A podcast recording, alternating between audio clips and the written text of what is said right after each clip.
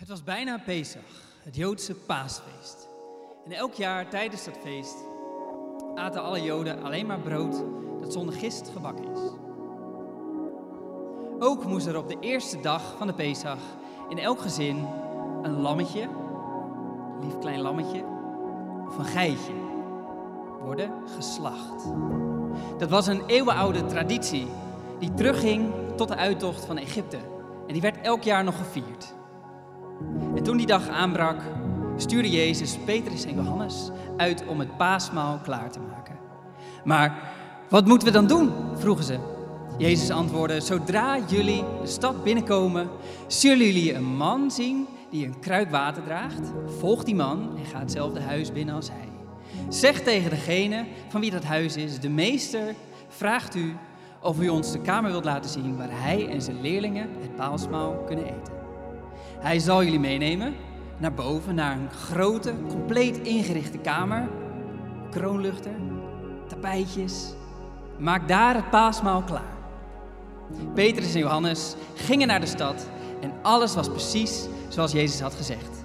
Ze maakten daar het eten klaar. En s'avonds kwamen Jezus en de andere apostelen naar het huis en gingen met elkaar aan tafel. En Jezus zei: Ik heb enorm naar verlangd om dit paasmaal met jullie te eten. Nog even, en dan breekt voor mij een tijd van groot lijden aan.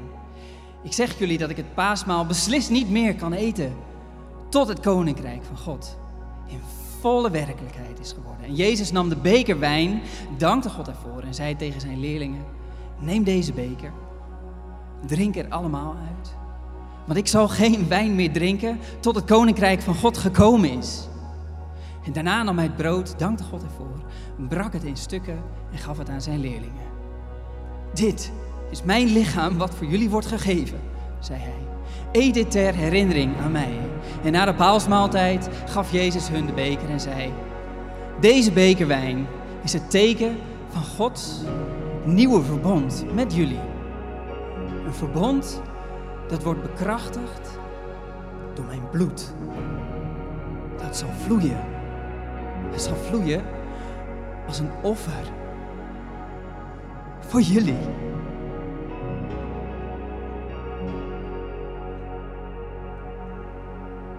Applaus. Hey, we komen steeds dichter bij Pasen, steeds dichter bij dat moment dat Jezus voor ons stierf en weer opstond. En ik vind het zo bijzonder om te zien dat Jezus in zijn hele reis, in zijn missie voor zijn God, dat hij mensen daarin betrok. Wat we net ook hoorden um, in de storytelling, dat Jezus aan zijn discipelen vertelde en ze echt in zijn missie meezogen. En wij zijn ook op een missie. Wij zitten in de serie Hashtag Jesus, waar we samen meer en meer willen dat Jezus dichterbij komt in ons leven.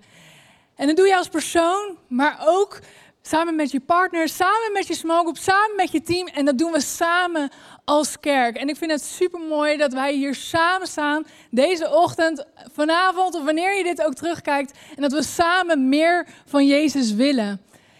En onze relaties daarin ook echt verdiepen met elkaar. En misschien heb je het ook wel gemerkt, maar communicatie is super belangrijk in vriendschappen. En je merkt dat een manier van communiceren echt een relatie vooruit kan helpen. Maar je merkt ook dat sommige manieren van communiceren ook echt verstorend kunnen werken. Dat je merkt dat de woorden die je zaait echt een impact maken op de ander. Echt iets losmaken bij de ander. En daarvoor wil ik beginnen met een voorbeeld. Meer dan 2000 jaar geleden was er zo'n rabbi en een dienaar. En de rabbi zei tegen de dienaar: Ik wil dat je naar de markt toe gaat en ik wil dat je daar iets goeds koopt. De dienaar die gaat naar de markt toe en die koopt daar een tong. En hij komt terug bij de rabbi en de rabbi zegt: Ik wil nu dat je iets slechts koopt. En weer gaat de dienaar naar de markt toe en weer koopt de dienaar een tong. En hij komt terug bij de rabbi en laat zien dat hij twee keer een tong heeft gekocht. En toen zei de rabbi: Hé, maar ik vraag je iets goeds te kopen en je komt terug met een tong. En, je en ik vraag je iets slechts te kopen en dan kom je ook terug met een tong. Ik snap het niet helemaal. En toen zei de dienaar, ja maar een tong kan krachtig zijn, kan powerful zijn, kan zoveel goeds doen. Maar een tong kan ook verstoren. Het kan iets helemaal kapot maken. Woorden hebben kracht. De woorden die jij uitspreekt zijn nooit neutraal. En woorden hebben echt een impact op je omgeving en zeker ook op jou. En soms zijn we niet eens bewust van, van welke woorden we gebruiken en ook hoe we het zeggen en hoe we dingen uitspreken. Misschien ken je het wel dat er ehm, in een relatie dat een man of een vrouw naar de andere toe gaat en die zegt: Wauw, jouw blik, jouw ogen, fantastisch. Ik kan er helemaal in wegzwijmelen. Die blik, die is onbetaalbaar. Maar een week later komt de man even goed bij zijn vrouw en die kan zeggen: Die blik. Oh, ik weet alweer hoe laat het is. Die blik van jou zegt meer dan genoeg. En we merken dat woorden echt een impact hebben. En soms ook zonder dat we het doorhebben. En een van de dingen is ook met roddelen. Slecht spreken over andere mensen. En Jos, wil jij ons daarin meenemen over roddelen? Ja, de vraag is, roddelen wij? Roddelen jullie? Ik geloof dat we allemaal roddelen, toch? We praten allemaal op een bepaalde wijze over andere mensen. Maar wat ik dus gemerkt heb, is dat het eerste is dat ik zeg dingen over andere mensen die ik never nooit zou zeggen als ze erbij zouden zijn. En het eh, merkt dat in onze cultuur een positieve eh, vibe zich ontwikkelt om gewoon te praten over andere mensen. En dat je alles maar kan zeggen, dat je er alles maar van kan vinden. Er zijn talkshows genoeg die laten zien dat het normaal is om over andere mensen te praten. Soms heb ik het idee dat ze betaald worden om die nasty woorden uit te spreken over andere mensen. En ik heb gemerkt dat ik sommige dingen soms ook zelf zeg als ik met iemand als uh, praat, die ik never nooit zou zeggen als die persoon erbij zou zijn. Dus laten we een filter leggen op onze woorden. Laten we altijd kijken door die filter van wat zou ik zeggen als deze persoon in die ruimte zou zijn. En zou het voor die persoon dan niet awkward zijn? Het volgende wat ik heb gemerkt is dat ik kwaad spreek, of dat we vaak kwaad spreken, online, uh, op het moment dat we anoniem zijn, omdat we anoniem zijn. Er worden posts gedaan, mensen posten filmpjes en we vinden van alles. En het zijn kwaadaardige woorden die we soms spreken en schrijven als reacties op wat mensen eh, eh, gezegd hebben of gedaan hebben. Het is niet iets vinden, maar het is echt gewoon roddelen. En we denken dat het allemaal maar kan, omdat het anoniem is. Maar anoniem zijn wil niet zeggen dat het geen pijn doet en dat we maar alles kunnen zeggen. Het laatste wat ik heb gemerkt is dat we kwaad spreken over andere groepen mensen of over andere mensen die een andere positie hebben. En ik geloof dat je het herkent, uh, misschien op je werk, maar het gebeurt ook in de kerk. Het gebeurt ook in leiders in de kerk, over leiders in de kerk, maar het gebeurt ook vooral op je werk. We praten altijd over een ander team. En dat team maakt er echt een ellende van. En dat moet zus en dat moet zo. En soms heb je het ook over mensen die een hele hoge positie hebben. Dat je zegt van ja, maar dat is niet goed en dat moet zus en zo. En je voegt er nog wat woorden aan toe die je eigenlijk never nooit zou gebruiken als die persoon erbij zou zijn. Maar we beseffen ons niet dat dat gewoon echt roddelen is. Het is bijna normaal geworden. We leggen de lat zo hoog voor andere groepen en andere mensen dat we er zelf niet eens aan kunnen tippen. En Jezus is hier heel duidelijk over. Hij zegt hierover het volgende.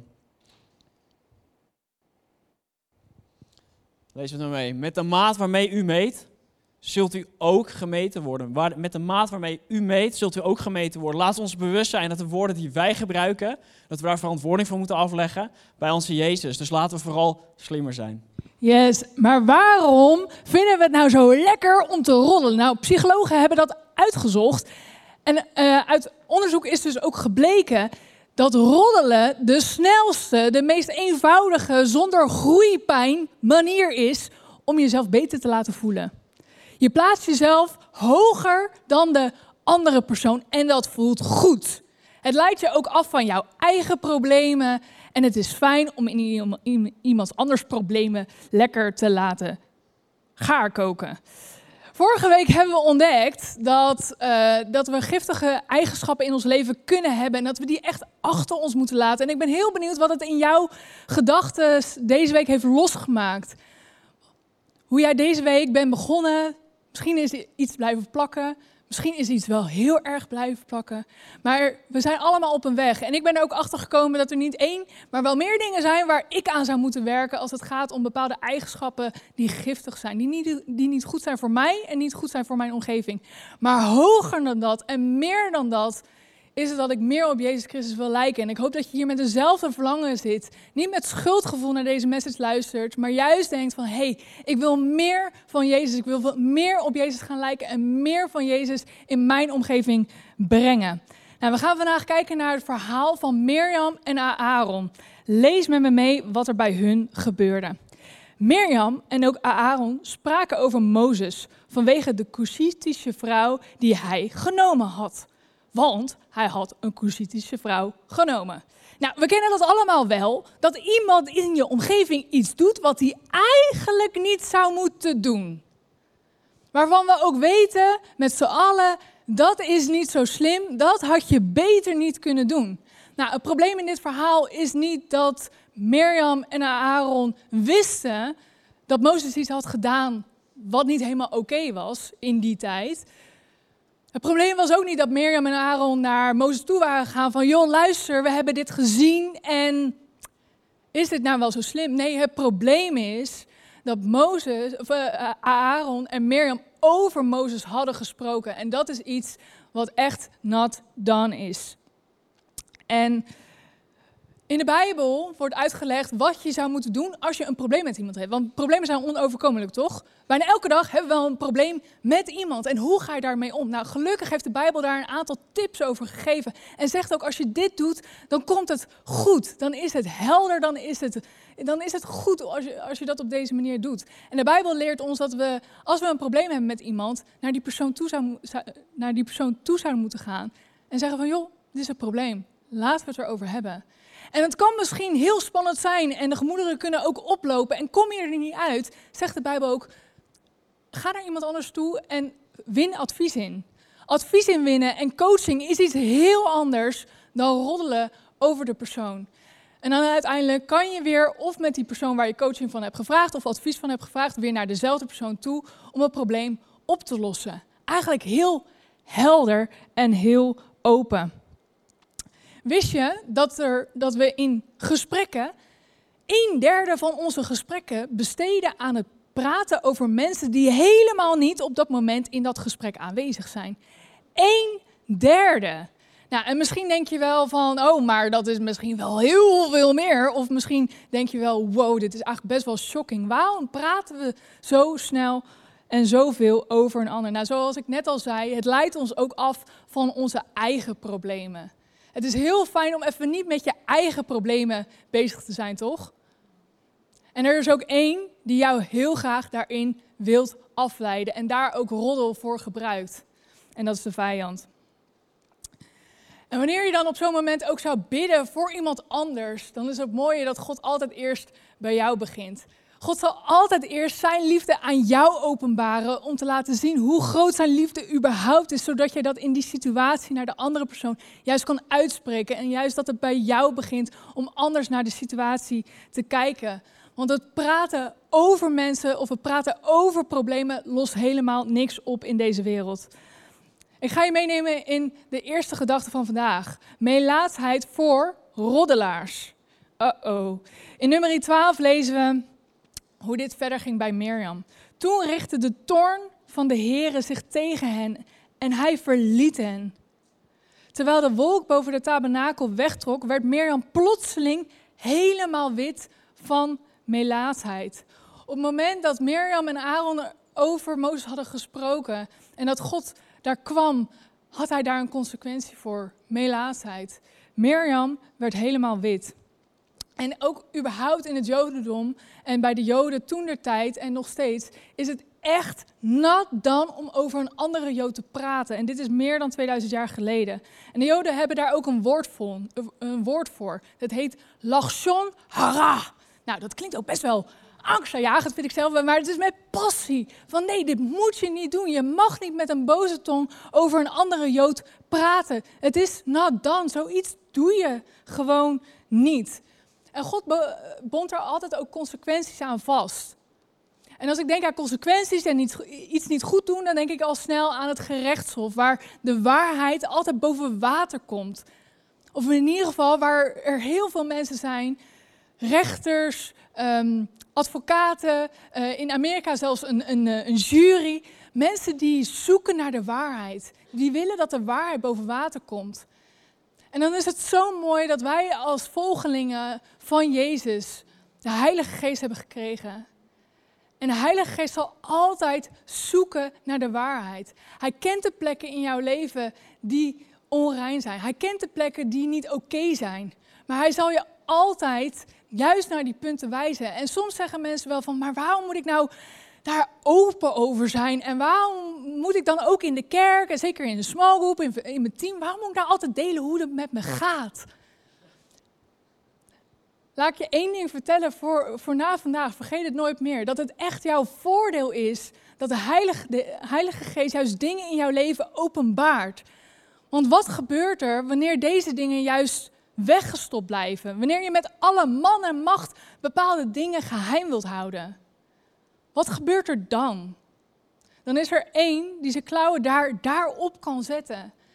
En laten we juist dat niet laten gebeuren. Laten we juist de Heilige Geest in ons leven uitnodigen en vragen: wat is er in mijn leven aan de hand? Laat het zien, zodat we een open leven leiden. En het is zo mooi dat op het moment wanneer we juist ehm, bidden en vragen: Heilige Geest, laat me iets zien. Dat de Heilige Geest jou altijd vrij wil maken en vrij wil houden. En dat is juist ons voordeel als christen. Dus laten, laten we daar juist gebruik van maken. Jos, wil jij met ons verder gaan over melaatheid in de geschiedenis? Ja, inderdaad. Het is zo bijzonder om te zien de cultuur en de tijd waarin Jezus leefde. Uh, hoe heftig die soms ook was, maar hoe ons dat kan helpen. Roddel betekent als je, als je roddelde, werd je buitengesloten. Als je als Jood had geroddeld, je had iets negatiefs gezegd over een ander, je had wrok, je had boosheid van binnen, werd je uitgezet. Je werd uit je huis gezet. Hij werd gewoon uit huis gezet. Je kreeg een t-shirt aan met gaten erin. Iedereen kon zien dat jij echt iets fout had gedaan. Je had echt iets fouts gedaan. Je had iets op je, op je kerststok gewoon niet nice was. Je had gewoon zwaar geroddeld. En dan moest je aan publiek moest je, je t-shirt verscheuren.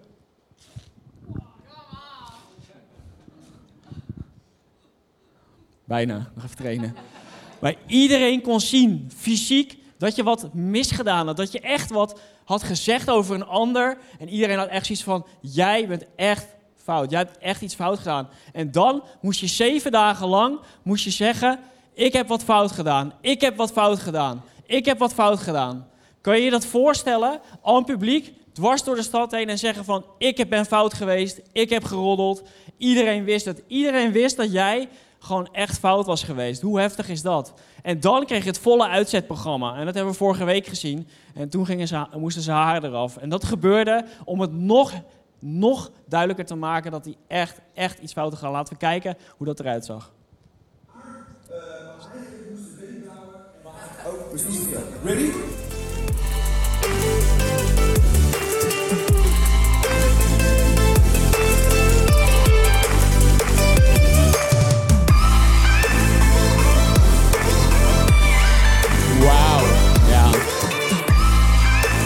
Zo wauw was dat niet, maar het was wel een actie die je moest ondergaan, zodat iedereen kon zien dat je had geroddeld, dat je fout was geweest. Je had verscheuren kleren, je had een kaal hoofd en dat liet gewoon zien dat je er echt, echt slecht aan toe was.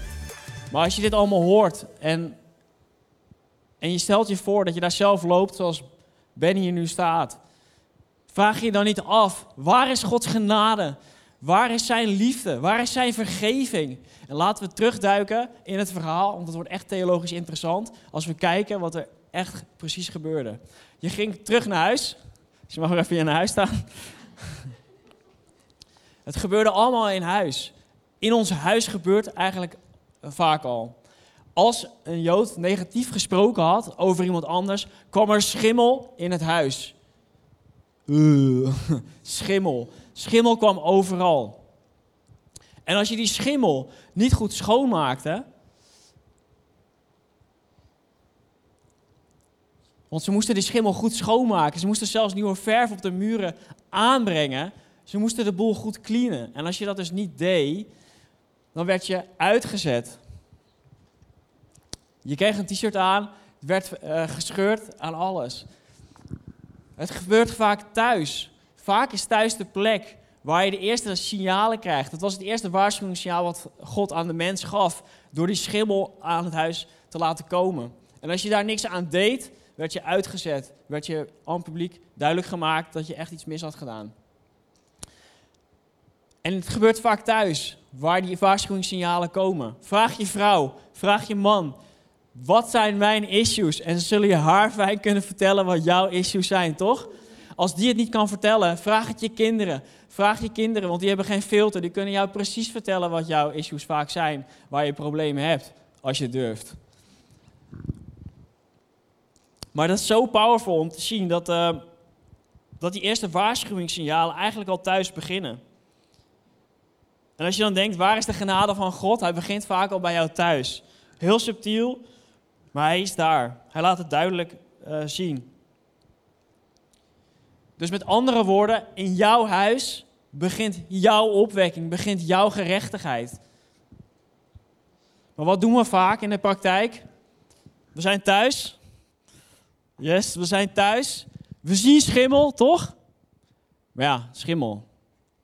Wat is de issue, weet je? We gaan toch gewoon naar buiten? Kom, we gaan naar buiten. We gaan naar buiten. We hebben gaten in ons t-shirt. En ineens gaan mensen denken: hey, jij hebt een probleem, gast. Jij hebt echt een probleem. Je hebt echt dingen, daar moet je echt wat aan doen. Maar ook daar stappen we vaak nog overheen. Want dan denk je: ja, gaten, weet je. Ik bedoel, echt een probleem? Nee, niet echt een probleem. Dus we gaan gewoon verder en we gaan door. En dan ineens komt het waarschuwingsverhaal van God. En die is soms heel intens en heel heftig. Want dan, in de Joodse cultuur was het zo, dan kreeg je de hele ramboom kreeg je weer opnieuw. Zeven dagen moest je vervolgens weer door die stad heen en zeggen: hey, ik heb een probleem, ik heb een issue. Ehm, en dan moest dat aangedaan worden. En ging je dat hele circus moest je weer helemaal doorlopen. Hoe heftig en hoe intens, intens was dat? En dan op die zevende dag opnieuw moest je haar weer eh, afgeschoren. En dat lezen we in Leviticus. Ieder bij wie mijn laatheid is geconstateerd, moet zijn kleren scheuren, blootshoofd lopen en zijn bovenlip bedekken. Overal waar hij loopt, moet hij roepen: Melaat! Melaat! Zolang de ziekte duurt, is hij onrein en moet hij buiten het kamp blijven. Hij moest buiten zijn huis blijven. En dan moest hij plaatsnemen en ging weer alles eraf. Zijn haar, zijn wenkbrauwen, zijn baard, alles. En weet je waarom dit zo'n belangrijk verhaal is en waarom dit zo'n krachtig symbool is? Er zit niet heel veel meer op. zit niet heel veel meer op. Maar zelfs het laatste, het kleinste, de kleinste vorm van roddel, de kleinste vorm van boosheid, de kleinste vorm van ja, wat er dan ook nog zou zitten, wat de veroorzaker is van jouw negatief praten over andere mensen, moest uit het leven. Met andere woorden, de kleinste dingetjes moesten er nog vanaf.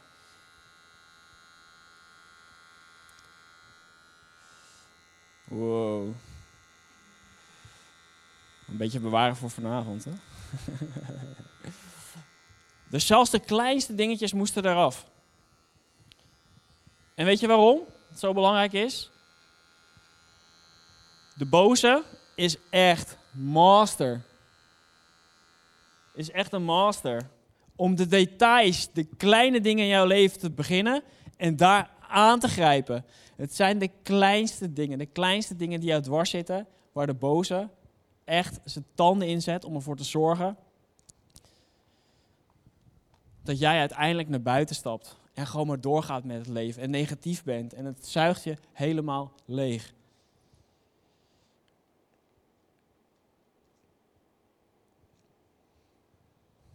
Thanks, man.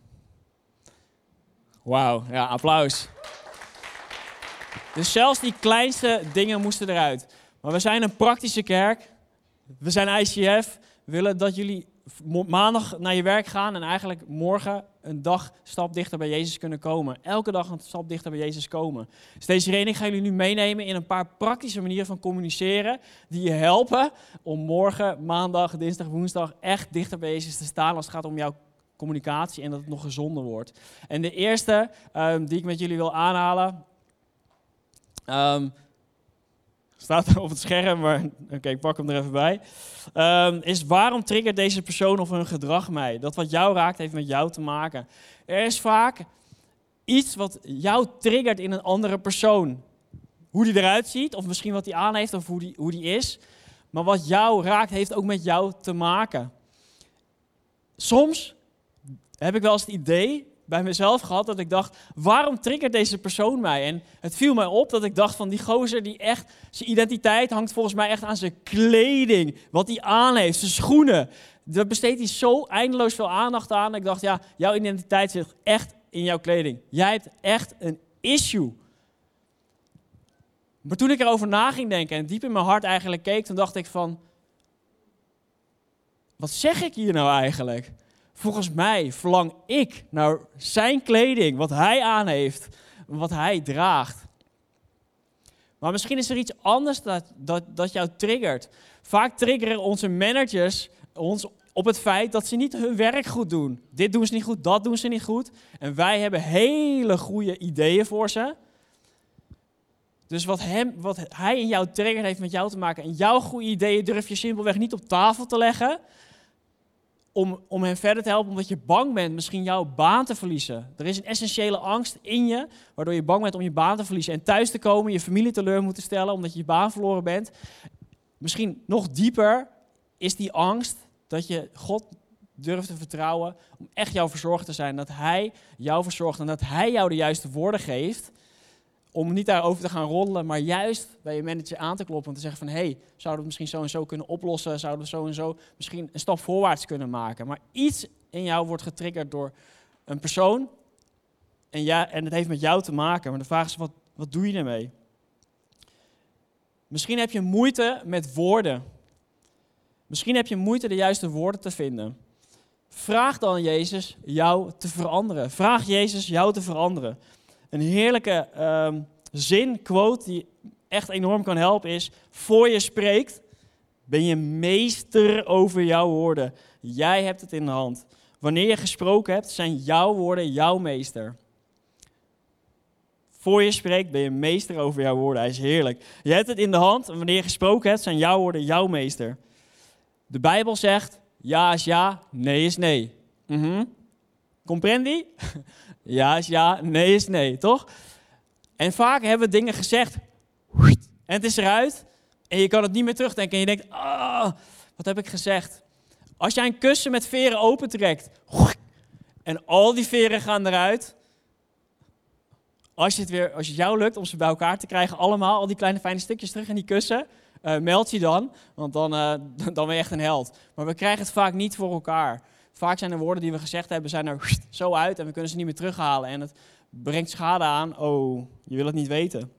Maar Jezus kan jou veranderen. Je kan tegen Jezus zeggen, Jezus, ik heb een probleem. Ik heb andere woorden nodig. Maar welke woorden weet ik niet. U weet ze wel. Verander mij. Geef je over. Durf dat ook aan Jezus over te geven.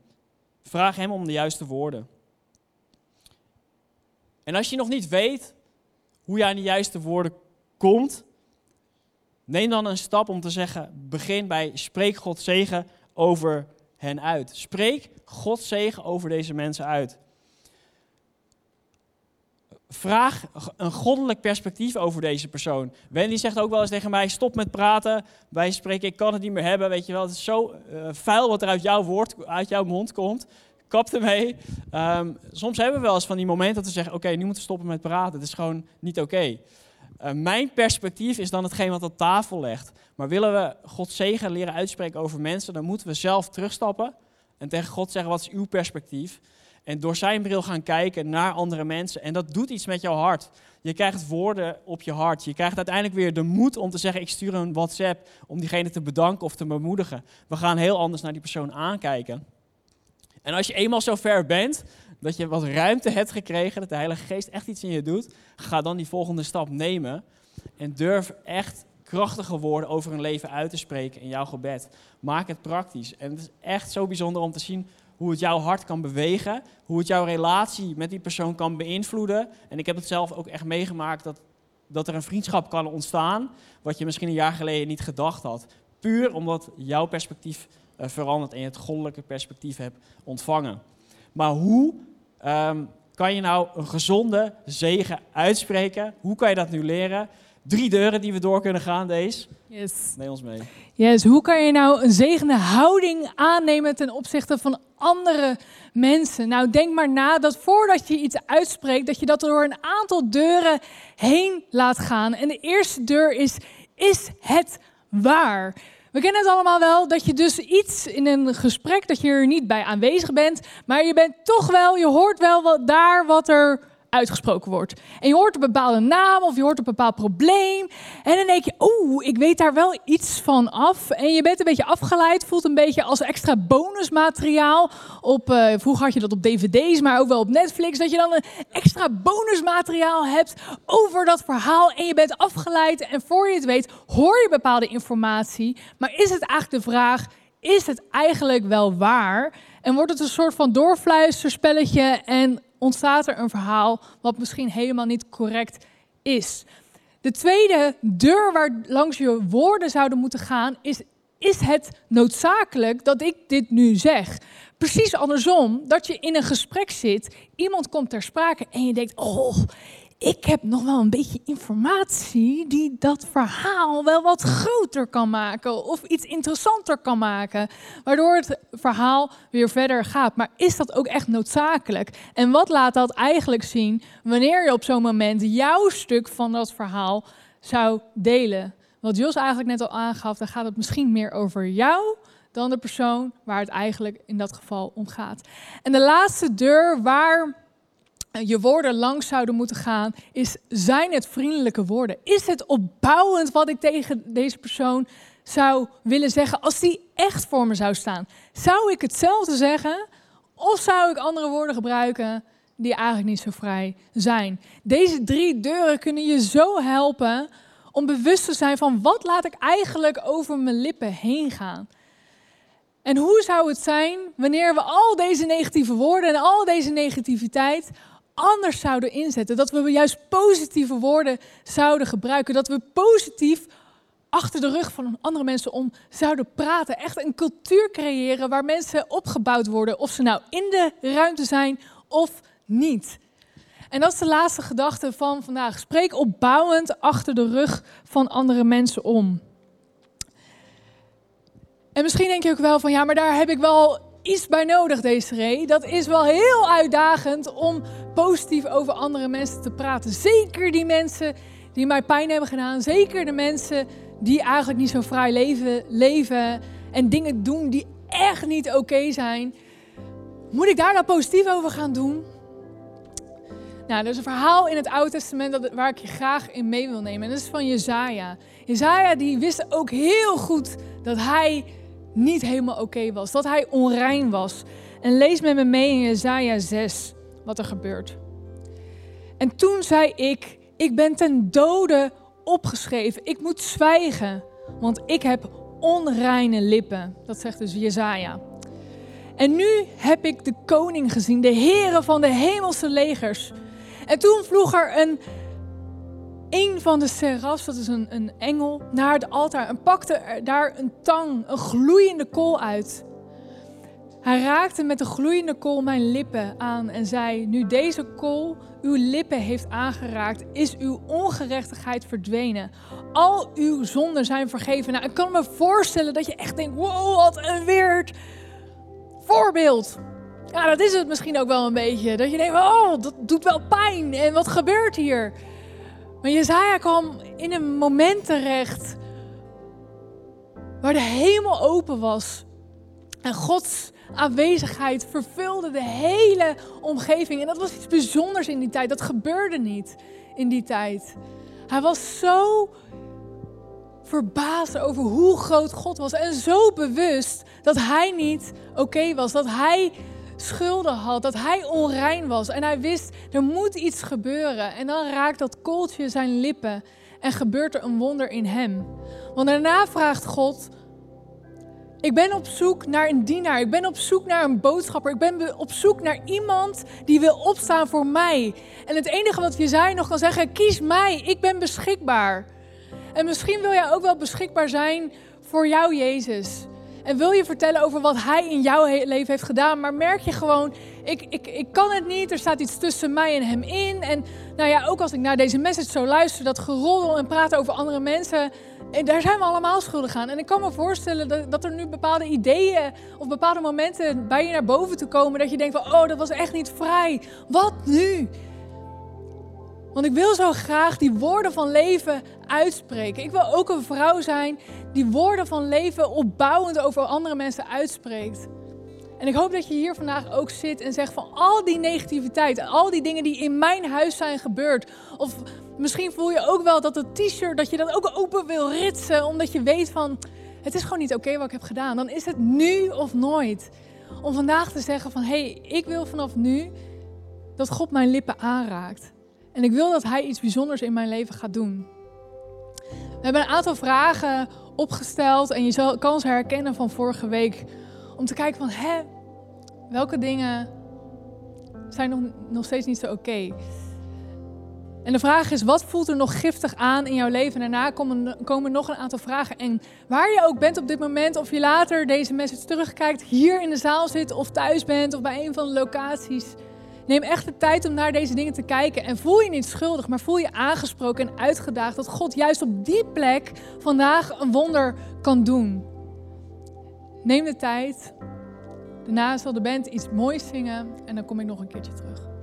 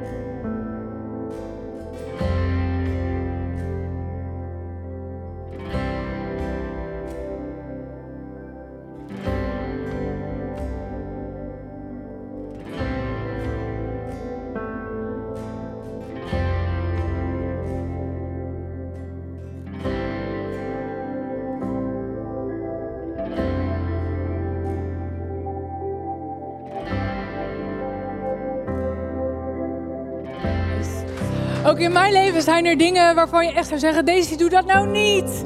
En ook met dit soort vragen, dan, dan komt er al gauw een moment naar boven dat je, dat je je toch schuldig voelt. Dat je denkt van, oh, dat, waarom heb ik dat nou weer gedaan? Of de mensen om je heen die zeggen van, joh, waarom, waarom ben je nou weer op deze plek? En je voelt je nog rotter en je kleren laten zien dat het niet oké met je gaat. Je huis laat zien dat het niet oké met je gaat. Maar dan juist is dat het moment waar God juist een wonder kan doen. Wat ik al eerder zei, dat is juist het moment waar je, waar je leven open kan leggen samen voor Jezus. Want Jezus is degene die een wonder in jouw leven kan doen. Meer dan je ooit kan bidden of beseffen, wil Hij door je heen werken. Of je nou op dit moment helemaal on top of the world voelt, of juist niet. Wanneer je juist nu gebroken voelt en denkt, waar moet ik beginnen? Dan is dit het moment om nu of nooit te zeggen tegen jou, Jezus. En het is zo bijzonder wat Jezus aan het kruis heeft gedaan. En juist die power, wat we al eerder hebben gezongen en wat we altijd zullen blijven herhalen, zit ook in jou. De Heilige Geest is in jou om iets bijzonders te doen. En wanneer je altijd tegen jezelf zegt, ja maar zo ben ik nou eenmaal, of God wil mij niet gebruiken, hou daarmee op. Wees geen slachtoffer van jouw verhaal, want Jezus heeft het overwonnen door jou heen. Laat dat echt jouw waarheid zijn vanaf vandaag. En ik denk dat we iets moeten veranderen in de manier hoe we uitspreken, de dingen moeten uitspreken over andere mensen, maar zeker ook over onszelf. Dus ik wil je vragen, waar je ook bent, ga staan. En laten we net zoals Jezaja bidden voor een wonder op onze lippen. Dus ik wil je vragen om daadwerkelijk je vingers te pakken en zo op je lippen te leggen. En bid met me mee dat God iets bijzonders gaat doen. Ja, Jezus, ik ben me zo bewust van alle dingen die over mijn lippen, over mijn tong komen, die zoveel los kunnen maken. En ik heb dingen gezegd die zo goed waren, die echt hemel op aarde brachten. Maar ik heb ook dingen gezegd waar ik zo intens veel spijt van heb. heb. Dingen waar, die ik beter niet had kunnen zeggen, Jezus. En het spijt me daarvoor. Wilt u mijn lippen aanraken? Wilt u tot mij spreken? Wilt, wilt u ervoor zorgen dat ik dingen zou uitspreken die de situatie omkeren naar een goddelijke situatie? Dat u de dingen die dood waren door mijn lippen heen weer tot leven laat spreken. En ik weet dat ik met uw kracht, met uw autoriteit, dat mag claimen in mijn leven. Dat wij als kerk dat mogen claimen. En daarmee een impact kunnen maken, niet alleen hier binnen een paar muren. Niet alleen in ons gezin, maar juist daarbuiten. Juist op de plek waar u zo hard nodig bent. En Jezus, ik ben beschikbaar met mijn woorden, met mijn lijf. Ik wil dat het als een tempel is, heilig voor u. Zodat u echt iets bijzonders door mij heen kan doen. En ik wil u danken voor uw genade. Ik wil u danken dat u bij me bent en zegt: Let's do it. Ik heb je vergeven. Neem dat nou aan. Je bent geen slachtoffer meer. Je bent een overwinnaar. Omdat ik in jou ben. De Heilige Geest is in jou en wil vanaf vandaag echt iets bijzonders door je heen doen. Door jouw woorden. Amen.